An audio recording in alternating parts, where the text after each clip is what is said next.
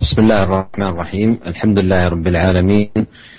وأشهد أن لا إله إلا الله وحده لا شريك له وأشهد أن محمدا عبده ورسوله صلى الله وسلم عليه وعلى آله وأصحابه أجمعين. أما بعد هذه ترجمة جديدة عقدها الإمام النووي رحمه الله تعالى في كتابه رياض الصالحين. قال باب الإصلاح بين الناس. والترجمة عقدها رحمه الله ليبين فضل ذلك وعظم ثوابه وما يترتب عليه من الآثار المباركة والخير العميم. والإصلاح بين الناس أمر عظيم نفعه كبيرة فائدته حسنة عاقبته. لأن الناس يعرض بينهم من الخلاف وسوء التفاهم وتباعد وجهات النظر. وأيضا يحصل من بعضهم اخطاء تجعل غيره يتخذ موقفا منه أو يبغضه أو نحو ذلك. ومن وراء ذلك أيضا الشيطان الذي يعمل على إيقاع العداوات وإيجاد البغضة بين المسلمين وإحداث التنافر والتباغض بينهم إضافة إلى قرن السوء وما يترتب عليهم أيضا من شر وضرر إضافة إلى ما يكون بعض الناس غيبة أو نميمة أو سخرية أو غير ذلك مما يترتب عليه فساد ذات البيت ووجود شيء من العداوة أو التباغض أو نحو ذلك. فإذا والحالة هذه المجتمعات تحتاج إلى المصلحين لأنه يوجد مفسدون يوجد من ينشر العداوة ويوجد البغضة بين الناس. فيحتاج المجتمع فعلا إلى مصلحين على الإصلاح بين الناس.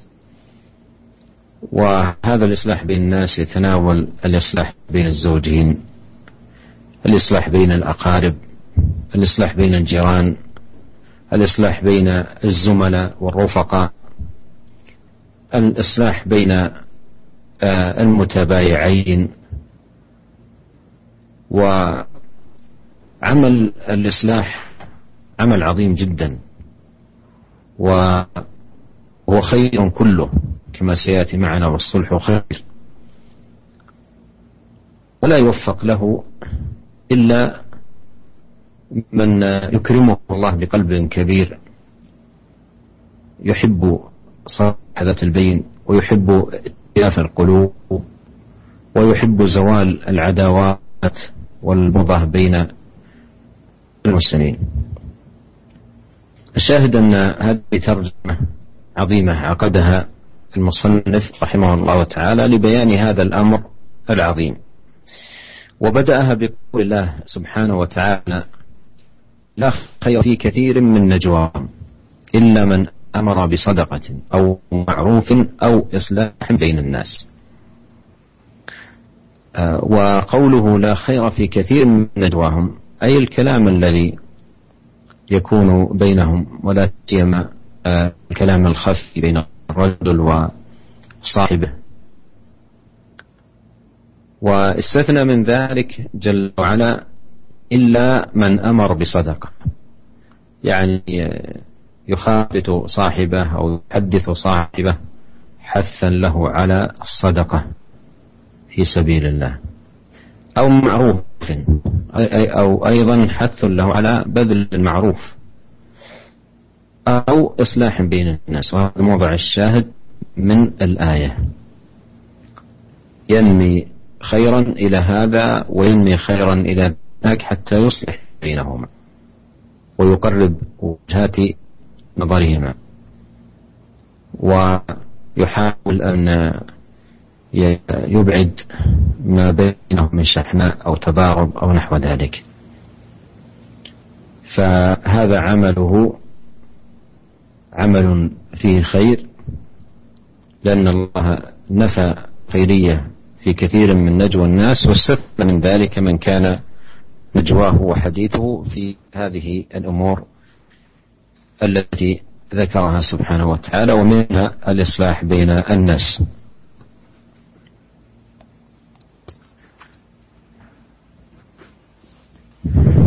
Bismillahirrahmanirrahim.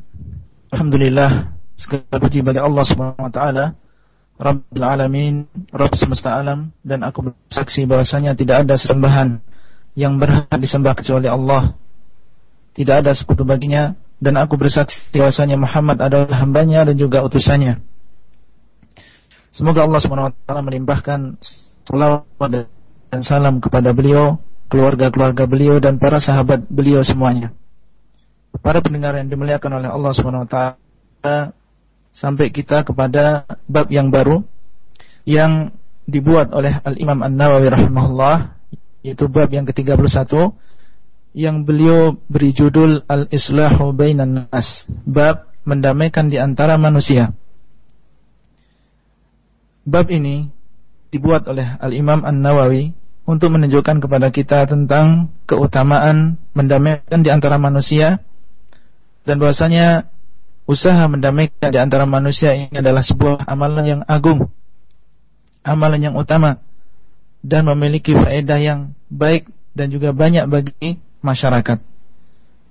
Oleh karena itu, al-islah bainan nas, mendamaikan di antara manusia ini akibatnya adalah akibat yang baik dan akan membawa faedah yang bagus. Dan kita tahu bahwasanya manusia dan juga masyarakat pada umumnya mereka memiliki pendapat-pendapat yang berbeda di antara mereka. Memiliki pandangan-pandangan yang berbeda. Dan yang namanya manusia tidak terlepas dari kesalahan di mana terkadang kesalahan ini menjadikan manusia yang lain mengambil sikap yang berbeda padanya. Ditambah lagi peran syaitan dalam hal ini yang dia berusaha untuk mengadakan permusuhan di antara kaum muslimin khususnya. Menjadikan kaum muslimin saling bermusuhan satu dengan yang yang lain. Belum lagi di sana ada teman-teman yang tidak baik yang senantiasa mendorong temannya untuk bermusuhan kepada yang lain kepada saudaranya.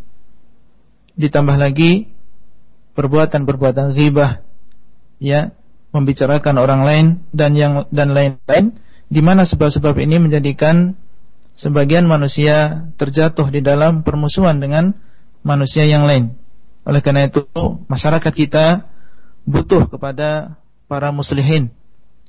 Ya butuh kepada orang-orang yang senantiasa mau mendamaikan di antara manusia. Karena di sana ada orang-orang yang berusaha untuk mengadakan kerusakan di antara manusia. Bagaimana supaya manusia ini saling bermusuhan antara satu dengan yang yang lain.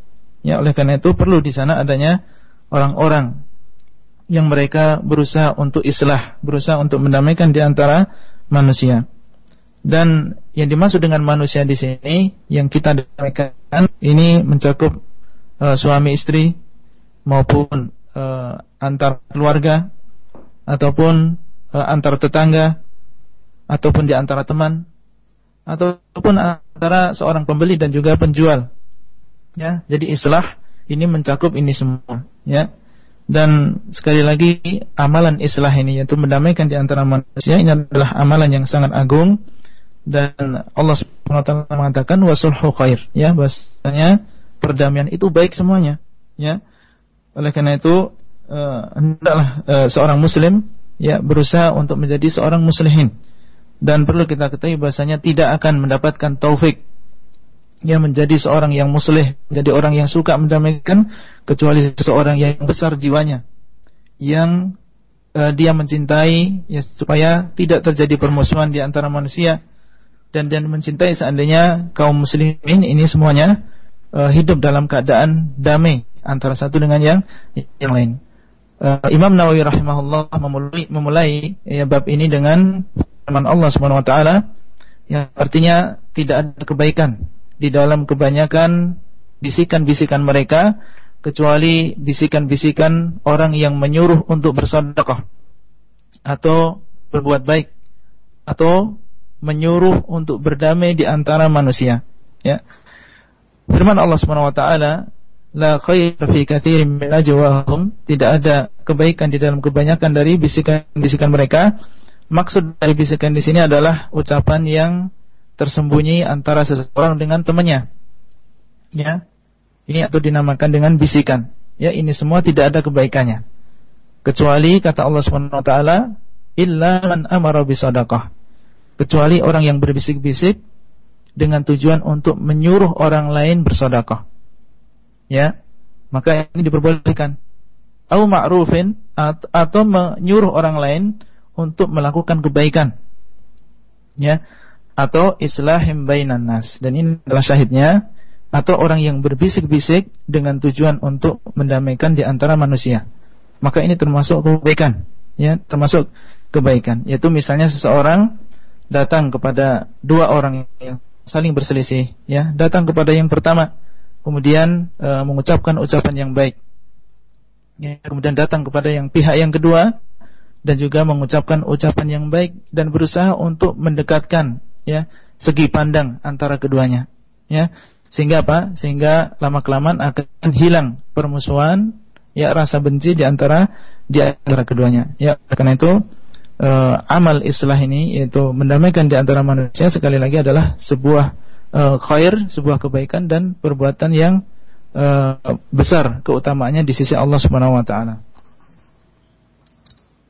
ثم أورد قول الله سبحانه وتعالى والصلح خير.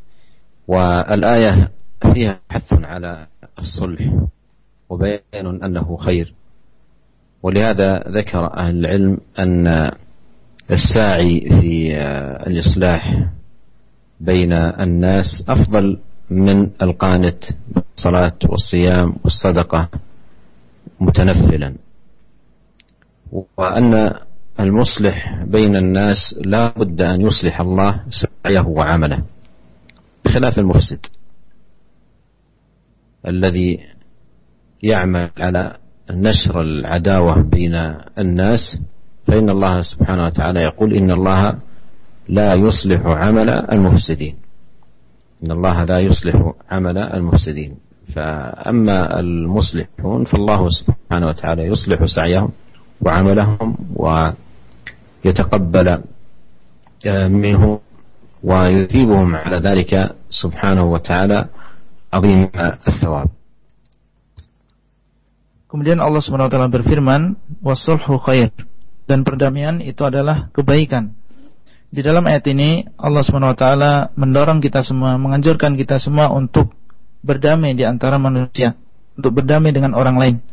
Dan ayat ini juga menjelaskan kepada kita bahwasanya berdamai itu adalah khair, adalah kebaikan. Dan sebagian ahlul ilm atau para ulama menyebutkan bahasanya orang yang berusaha untuk mendamaikan di antara manusia ini kedudukan dia lebih afdol yang lebih utama daripada orang yang sholat ya orang yang berpuasa ya karena orang yang berusaha ya untuk mendamaikan di antara manusia dia menyebarkan kebaikan untuk orang lain ya dan Allah swt akan balasannya akan memperbaiki amalannya dan akan menerima darinya. Berbeda dengan orang yang mufsidin, yaitu orang-orang yang berbuat kerusakan di permukaan bumi, yang mereka berusaha untuk menyebarkan perselisihan, pertengkaran di antara manusia. Maka orang seperti ini Allah SWT tidak akan memperbaiki amalannya. Ya, tidak akan memperbaiki amalannya. ثم أورد قول الله سبحانه وتعالى فاتقوا الله وأصلحوا ذات بينكم اتقوا الله أي بطاعته وامتثال أمره واجتناب نهيه سبحانه وتعالى وأصلحوا ذات بينكم أي بترك المنازعات والمخالفات والشقاق والعداوات Kemudian Allah SWT berfirman fattaqullaha wa aslihu dzata bainikum. Hendaklah kalian semuanya bertakwa kepada Allah dan perbaikilah hubungan di antara kalian. Ya. Ittaqullah, bertakwalah kalian kepada Allah. E, maknanya jelas yaitu kita diperintahkan untuk taat kepada Allah Subhanahu wa taala dengan menjalankan perintah Allah dan juga menjauhi larangan Allah Subhanahu wa taala. Kemudian Allah Subhanahu wa taala menyuruh kita untuk memperbaiki hubungan di antara kita semua, yaitu dengan cara meninggalkan pertengkaran, yang meninggalkan permusuhan, meninggalkan rasa benci di antara di antara kita. ثم أورد قول الله تعالى إنما المؤمنون إخوة فأصلحوا بين أخويكم وهذه الآية الكريمة فيها أن الإصلاح بين الإخوان والسعي على تحقيق الصلح وزوال الشحناء والبغضاء هذا من مقتضيات الأخوة الإيمانية ومتطلباتها. فينبغي على المسلم أن يكون آه، آه، ساعيا في هذا الأمر. عاملا في الإصلاح بين الناس يصلح بين الزوجين بين الأخوين بين القريبين بين الجارين. يعمل على أن يكون مصلحا حتى يفوز بهذا الثواب وينال هذه الخيرية ويحقق مقتضى الإيمان الذي جعله الله سبحانه وتعالى من أهله. Kemudian Allah SWT berfirman, "Innamal mu'minuna ikhwah fa aslihu baina akhawaykum." Sesungguhnya orang-orang yang beriman adalah bersaudara satu dengan yang lain, maka hendaklah kalian mendamaikan di antara dua saudara kalian. Ayat ini di dalamnya ada uh, faedah bahwasanya uh, berbuat perdamaian atau mendamaikan antara sesama saudara dan berusaha untuk mewujudkan kedamaian di antara saudara ini adalah termasuk kewajiban e, persaudaraan di dalam Islam. Ya, jadi ini termasuk mewujudkan persaudaraan di dalam Islam yaitu ukhuwah al-islamiyah. Ya, ukhuwah al-islamiyah yaitu persaudaraan sesama orang Islam. Jadi kalau kita adalah seorang atau e, bersaudara antara satu antara kita satu dengan yang lain, maka di antara keharusannya, di antara kewajibannya adalah kita saling mendamaikan antara sesama saudara. Seandainya terjadi perselisihan di antara di antara kita, ya. Oleh karena itu seorang mukmin hendaknya dia berusaha menjadi orang yang musleh, menjadi orang yang senantiasa berusaha untuk mendamaikan di antara manusia, ya entah itu antara uh, suami dan istri, ya atau mendamaikan antara uh, saudara dengan saudaranya, antara kerabat dengan kerabatnya, atau mendamaikan antara dua orang tetangga yang saling bermusuhan sehingga apa? Sehingga dia bisa mendapatkan khairiyah. Dia bisa mendapatkan kebaikan ini ya. Kemudian dia dia bisa mewujudkan ya perdamaian ya di antara saudara sebagaimana Allah Subhanahu wa taala perintahkan di dalam ayat ini. ثم أورد رحمه الله تعالى حديث أبي هريرة رضي الله عنه قال قال رسول الله صلى الله عليه وسلم كل سلامة من الناس عليه صدقة كل يوم تطلع فيه الشمس. تعدل بين الاثنين صدقة وتعين الرجل في يده فتحمله عليها أو ترفع له عليها متاع صدقة. والكلمة الطيبة صدقة وبكل خطوة تمشيها إلى الصلاة صدقة وتميط الأذى عن الطريق صدقة متفق عليه. قال ومعنى تعدل بينهما أي تصلح بينهما بالعدل.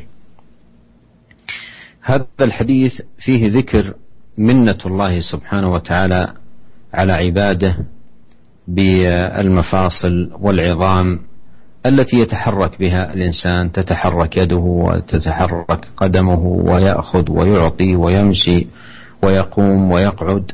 هذه الليونة والسهولة في الحركة واليسر لا شك أنه نعمة عظيمة وهي تتجدد مع المسلم بتجدد الأيام. فيحتاج المقام إلى شكر لله سبحانه وتعالى على هذه النعم. نعمة المفاصل التي في الإنسان وعددها 360 كما جاء في بعض الأحاديث. فكلها تحتاج يوميا إلى صدقات بهذا العدد. كل سلامة من الناس عليه صدقة. وهذه الصدقة تفعل شكرا لله سبحانه وتعالى على هذه النعمة العظيمة. وقوله كل يوم تطلع فيه الشمس أي أن هذه الصدقة تتجدد معك بتجدد الأيام. بمعنى كل يوم تطلع فيه الشمس تحتاج إلى هذا القدر من آه، الصدقات. ثم بين عليه الصلاة والسلام أن الصدقة لا تقتصر على الصدقة بالمال بل هي أعم وأشمل من ذلك. فذكر أمثلة منها قوله تعدل بين الاثنين صدقة وهذا موضع الشاهد لهذه الترجمة. ومعنى تعدل بين الاثنين تصلح بينهما بالعدل. تعمل على الإصلاح بينهما بعدل وإنصاف دون أن تجحف مع أحد الطرفين أو تظلم الطرف الآخر. وتعين الرجل في دابته فتحمله عليها أو ترفع له عليها متاع صدقة. وهذا آه، باب سبق الحديث عنه وهو معاونة الآخرين وبذل المعروف والسعي في الإحسان إلى آه، الآخرين. فقول تعين الرجل في دابته فتحمله عليها. إذا لم يتمكن من الركوب تساعده أن يركب أو لم يتمكن من حمل متاعه لثقل لثقله على دابة دابته فتساعده عليها. أيضا يدخل ذلك آه، مساعدة آه، أخيك في هذه الوسائل الحديثة في النقل مثل الدراجة والسيارة إذا تعطلت أو احتاجت إلى دفع أو احتاجت إلى إصلاح شيء من العطل الذي أصابها أو مساعدته في شيء يتعلق بها. هذا كله من من من أبواب الصدقة المهيئة لك. والكلمة الطيبة صدقة أن تلقى أخاك بوجه طليق تكلمه مبتسما بكلمة طيبة تحييه تسلم عليه آه، تدعو له. تقدم له فائدة. هذا كله داخل في باب آه، الصدقات.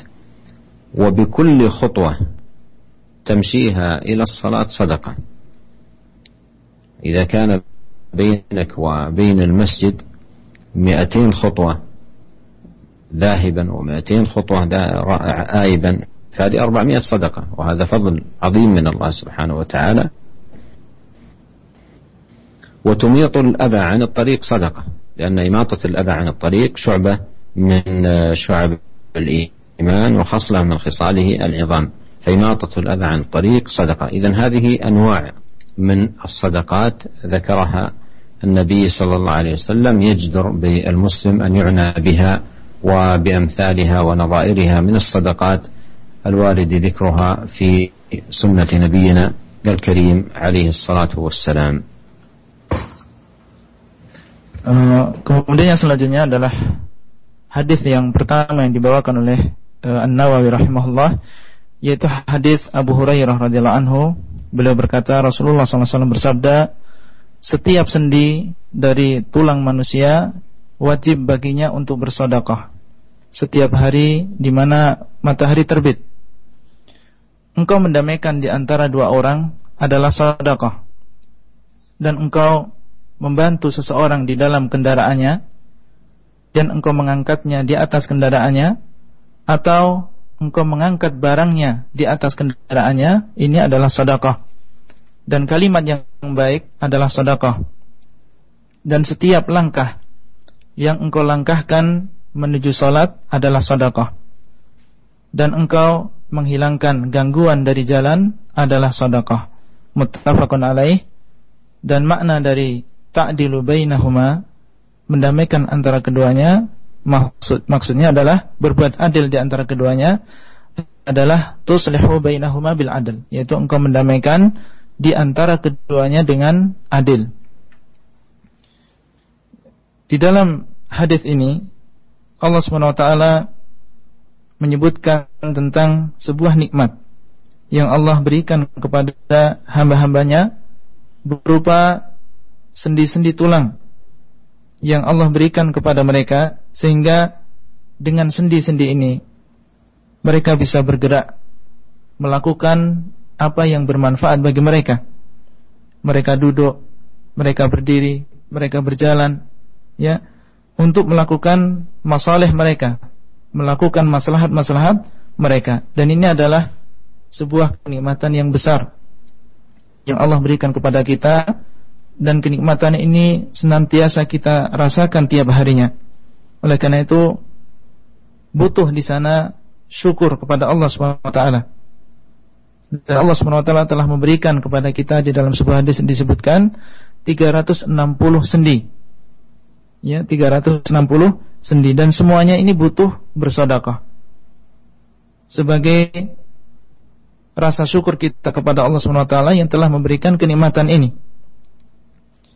Rasulullah SAW bersabda, "Kulla yaumin tatlu'u fihi syams." Setiap hari di mana matahari itu terbit. Jadi maksudnya sedekah ini dilakukan setiap harinya karena kenikmatan ini senantiasa kita rasakan setiap harinya. Dan Rasulullah SAW di sini ingin menunjukkan kepada kita bahwasanya sedekah yang dilakukan oleh sendi-sendi tulang ini tidak harus berupa mal, ya tidak harus berupa harta. Ya, bahkan bisa perkara-perkara yang lain yang disebutkan oleh Rasulullah SAW di sini. Beliau mengatakan ta'dilu bainal itsnaini sedekah. Ya, engkau berbuat adil di antara dua orang adalah sedekah dan maksudnya seperti yang dikatakan oleh Nawawi yaitu engkau mendamaikan antara dua orang ya dengan adil. Maksudnya adalah tanpa mendolimi pihak yang lain. Jadi dengan adil tanpa mendolimi salah satu dari kedua belah pihak. Maka ini adalah sodakoh. Ya, ini adalah sodakoh. Kemudian engkau membantu seseorang di dalam kendaraannya. Ya, bisa engkau mengangkat dia di atas kendaraannya apabila dia tidak mampu untuk naik kendaraan. Ya, kemudian engkau membantunya, makin adalah sodakoh. Atau engkau membantu dia kalau dia tidak mampu, ya tidak mampu mengangkat barang untuk ditaruh di atas kendaraan, engkau membantunya, maka ini adalah adalah sedekah. Ya dan masuk di dalam perkara ini adalah di zaman sekarang ya apabila ada saudara kita yang misalnya banyak kempes misalnya, ya maka kita berusaha untuk membantunya atau misalnya sepedanya rusak, ya kita berusaha untuk membantunya. Maka ini termasuk sedekah, ya. Kemudian beliau mengatakan wal kalimatut thayyibah sedekah. Ya, ucapan yang baik ini adalah sedekah. Termasuk di dalam ucapan yang baik adalah doa yang baik. Ya, kita mendoakan saudara kita, ini termasuk sedekah. Kemudian juga kita tersenyum ya atau kita memberikan faedah ilmiah, ya kita memberikan faedah berupa ilmu. Ya ilmu yang bermanfaat yang kita berikan kepada saudara kita, maka ini juga termasuk sedekah. Kemudian beliau SAW mengatakan dan setiap langkah yang engkau langkahkan menuju salat ini adalah sedekah. Bayangkan seandainya ketika kita datang ke masjid dengan 200 langkah ya kemudian kita pulang dengan 200 langkah berarti kita sudah e, mendapatkan pahala 400. Ya kita sudah mendapatkan pahala 400 dan ini tentunya adalah uh, sebuah uh, keutamaan yang besar ya. Kemudian beliau SAW mengatakan dan engkau menghilangkan gangguan dari jalan adalah sedekah. Ya, dan kita tahu bahwa saya mengganggu me, menghilangkan gangguan dari jalan ini termasuk iman, ya, termasuk iman sebagaimana dikabarkan oleh Rasulullah sallallahu alaihi wasallam. Jadi apa yang beliau sebutkan ini tadi adalah di antara jenis-jenis sedekah. Oleh karena itu seorang muslim ya hendaklah berusaha untuk mengamalkan ya apa yang telah disebutkan tadi dan juga jenis-jenis sedekah lain yang telah diterangkan oleh Rasulullah SAW di dalam sunnah beliau. ثم أورد رحمه الله تعالى حديث أم كلثوم بنت عقبة بن أبي معيط رضي الله عنها قالت سمعت رسول الله صلى الله عليه وسلم يقول ليس الكذاب الذي يصلح بين الناس فينمي خيرا أو يقول خيرا متفق عليه. وفي رواية مسلم زيادة قالت ولم أسمعه يرخص في شيء مما يقوله الناس إلا في ثلاث تعني الحرب والإصلاح بين الناس وحديث وحديث الرجل امرأته وحديث المرأة زوجها. هذا حديث عظيم جدا في باب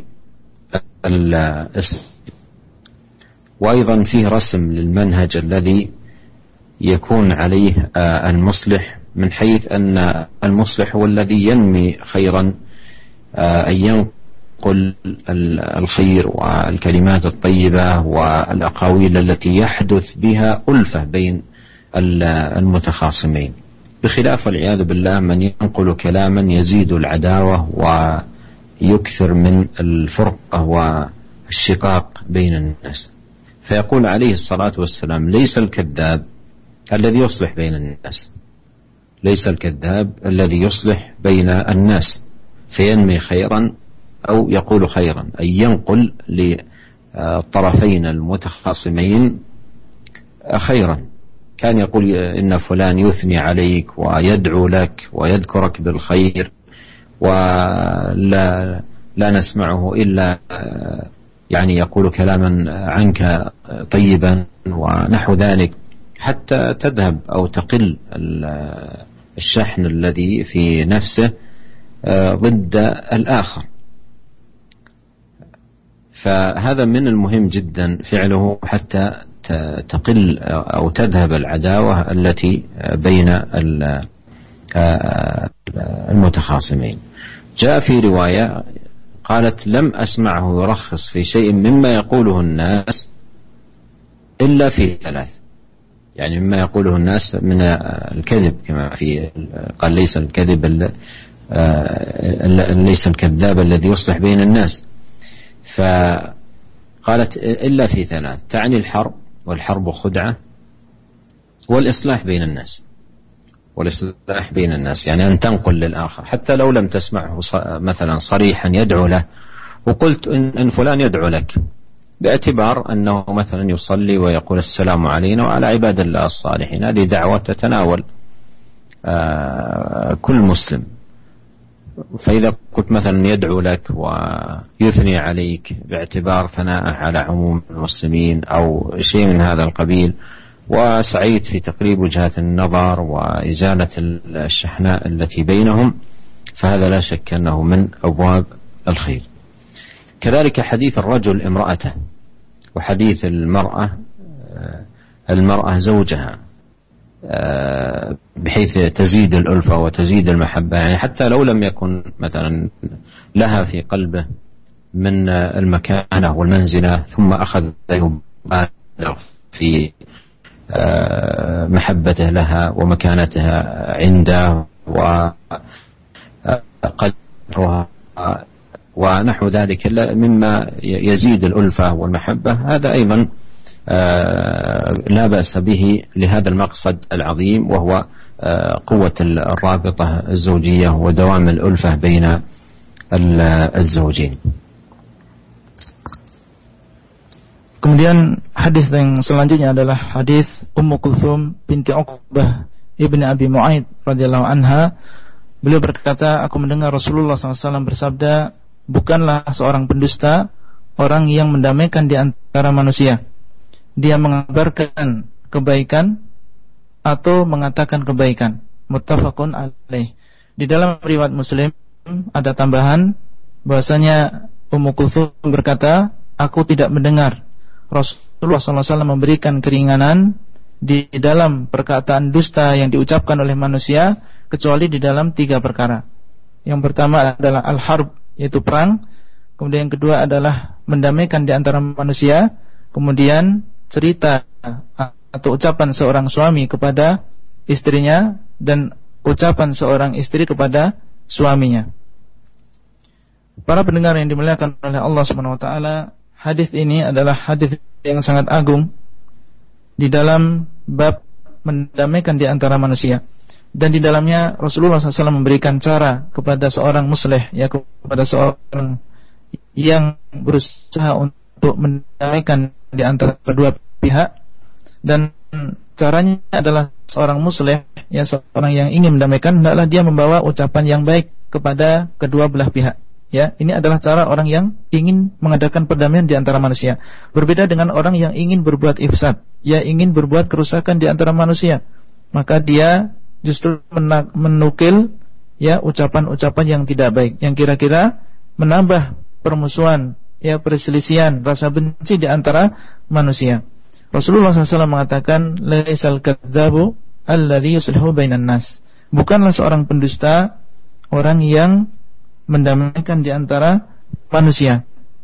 Ya, ini menunjukkan kepada kita ya bahwasanya uh, berusaha untuk mendamaikan di antara manusia dengan membawa ucapan yang baik kepada kedua belah pihak ya meskipun terkadang ya ucapan ini tidak benar jadi ya maka ini bukan uh, bukan seorang pendusta. Orang yang seperti ini bukan seorang pendusta. Ya misalnya apabila seorang datang ya kepada salah satu dari uh, pihak yang bersengketa ya kemudian dia mengatakan ya bahasanya si fulan ini telah memujimu ya atau misalnya kita mengatakan ya bahwasanya aku tidak mendengar bahwasanya si fulan ini membicarakanmu atau menjelek-jelekanmu. Ya bahkan aku mendengar bahwasanya si fulan ini memujimu dan juga menyebutkan kebaikan untukmu.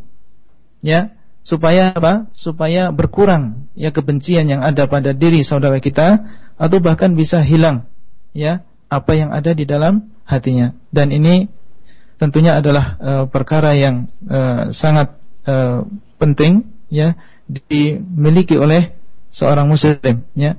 Di dalam sebuah riwayat disebutkan ya bahasanya uh, berkata ya aku tidak mendengar Rasulullah SAW memberikan keringanan di dalam perkataan dusta yang diucapkan oleh manusia kecuali dalam tiga perkara yaitu al-harb ya yang pertama adalah uh, perang. Dan Rasulullah SAW mengatakan al-harbu khudah. Bahasanya peperangan itu adalah tipu daya ya Kemudian yang kedua adalah uh, al-islahu bainan nas, yaitu mendamaikan di antara manusia.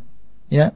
Mendamaikan di antara manusia. Terkadang yang kita mengatakan ya kepada eh, pihak-pihak uh, yang bertengkar, bersengketa, kita katakan bahwasanya si fulan itu mendoakan kamu dengan kebaikan. Ya, mendoakan kamu dengan kebaikan meskipun kita tidak jelas mendengar bahwasanya dia mendoakan kebaikan. Ya, jadi maksud kita adalah si fulan itu telah e, berdoa misalnya di dalam sholat dia mengatakan assalamu alayna wa ala ibadillahi salihin. Ya, e, keselamatan atas kami dan juga hamba-hamba yang soleh. Ya kan ini berarti dia mendoakan karena ter, e, e, apa orang yang bersengketa itu diharapkan dia termasuk orang-orang yang soleh. Jadi kalau saudaranya yang memusuhi dia mengatakan wa ala ibadillahi salihin berarti uh, dia termasuk di dalam orang-orang yang dia doakan. Yang kita katakan si fulan telah mendoakan kamu dengan kebaikan. Ya atau kita katakan si fulan telah memujimu.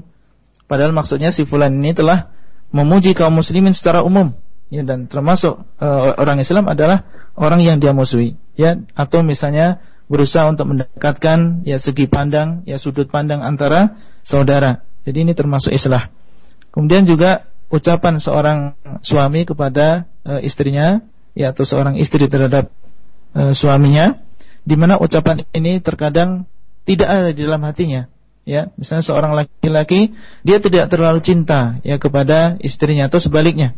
Ya kemudian dia mengucapkan sebuah kalimat ya sebuah ucapan yang uh, yang membuat gembira suaminya atau istrinya ya, sehingga dia merasa dicintai dengan sebenar-benar cinta oleh e, pasangannya dan ini adalah sesuatu yang tidak mengapa untuk e, maksud yang besar yaitu untuk islah di antara manu, manusia. هذا ونسأل الله عز وجل أن يوفقنا جميعا لكل خير وأن يصلح لنا شأننا كله وألا يكلنا إلى أنفسنا طرفة عين وأن يهدينا إليه صراطا مستقيما إنه تبارك وتعالى سميع قريب مجيب والله تعالى أعلم Itulah yang bisa kita sampaikan pada kesempatan kali ini dan kita mohon kepada Allah SWT taufik kepada semua kebaikan dan kita memohon kepada Allah semoga Allah SWT memberikan kita petunjuk kepada uh, surat al-mustaqim yaitu jalan yang lurus.